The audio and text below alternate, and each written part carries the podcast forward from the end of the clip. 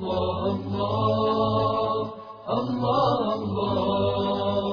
الله الله بسم الله الرحمن الرحیم. الحمد لله و الصلاة و السلام علی رسول الله و علی آله و اصحابه و من والاه. و السلام علیکم و رحمت الله و برکاته. ماه مبارک رمضان بهار قرآن کریم است. با چند نکته از سوره احقاف که در جز 26 قرآن کریم است آشنا شویم.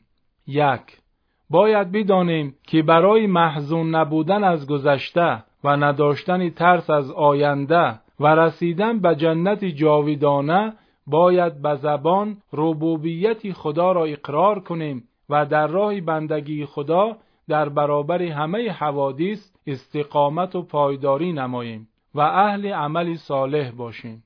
احقاف آیت های 13 و 14 دو نیکی به پدر و مادر دستور خدای رحمان و وظیفه هر انسان است. مادر چندین ماه ما را به سختی در شکم خود پرورش داد و نگهداری کرد.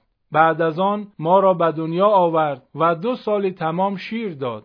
پس باید قدردان زحمتهای او باشیم. از خداوند توفیق شکر نعمت حیات، پدر و مادر و انجام عمل شایسته را بخواهیم و برای اصلاح نسل آینده خود دعا کنیم و با روحیه تسلیم به خدا رو بیاریم تا از قبول و گذشت خداوند و رسیدن به جنت بهرمند شویم. آیت های 15 و 16 سوره احقاف 3. کسانی که کافر شدند و با تکبر بناحق در دنیا هر گناه و عمل زشت را انجام دادهاند در روز قیامت بهره از نعمتهای پاک و آرامش بخش جاویدانی خدا ندارند و با خاری به آتش افکنده می شوند. آیه 20 سوره احقاف کافران در روز قیامت وقت در آتش قرار می گیرند حق را اقرار می کنند ولی دیگر سود ندارد. احقاف آیه 34 چهار. بدانید که گذشتگان مثل قوم عاد را خیلی بیشتر از شما امکانات دادیم ولی در اثر نافرمانی گرفتار عذاب خدا شدند و هیچ چیز سودشان نکرد. پس شما از سرنوشت تلخی آنها عبرت بگیرید. آنها از قدرت بینایی، شنوایی و درک برای دیدن و شنیدن و فهمیدن حق و قبول آن استفاده نکردند و حق را انکار کردند و مسخره نمودند خداوند هم آنها را هلاک کرد شما تا فرصت دارید عبرت بگیرید و شایسته از امکانات خداوند استفاده کنید. 5.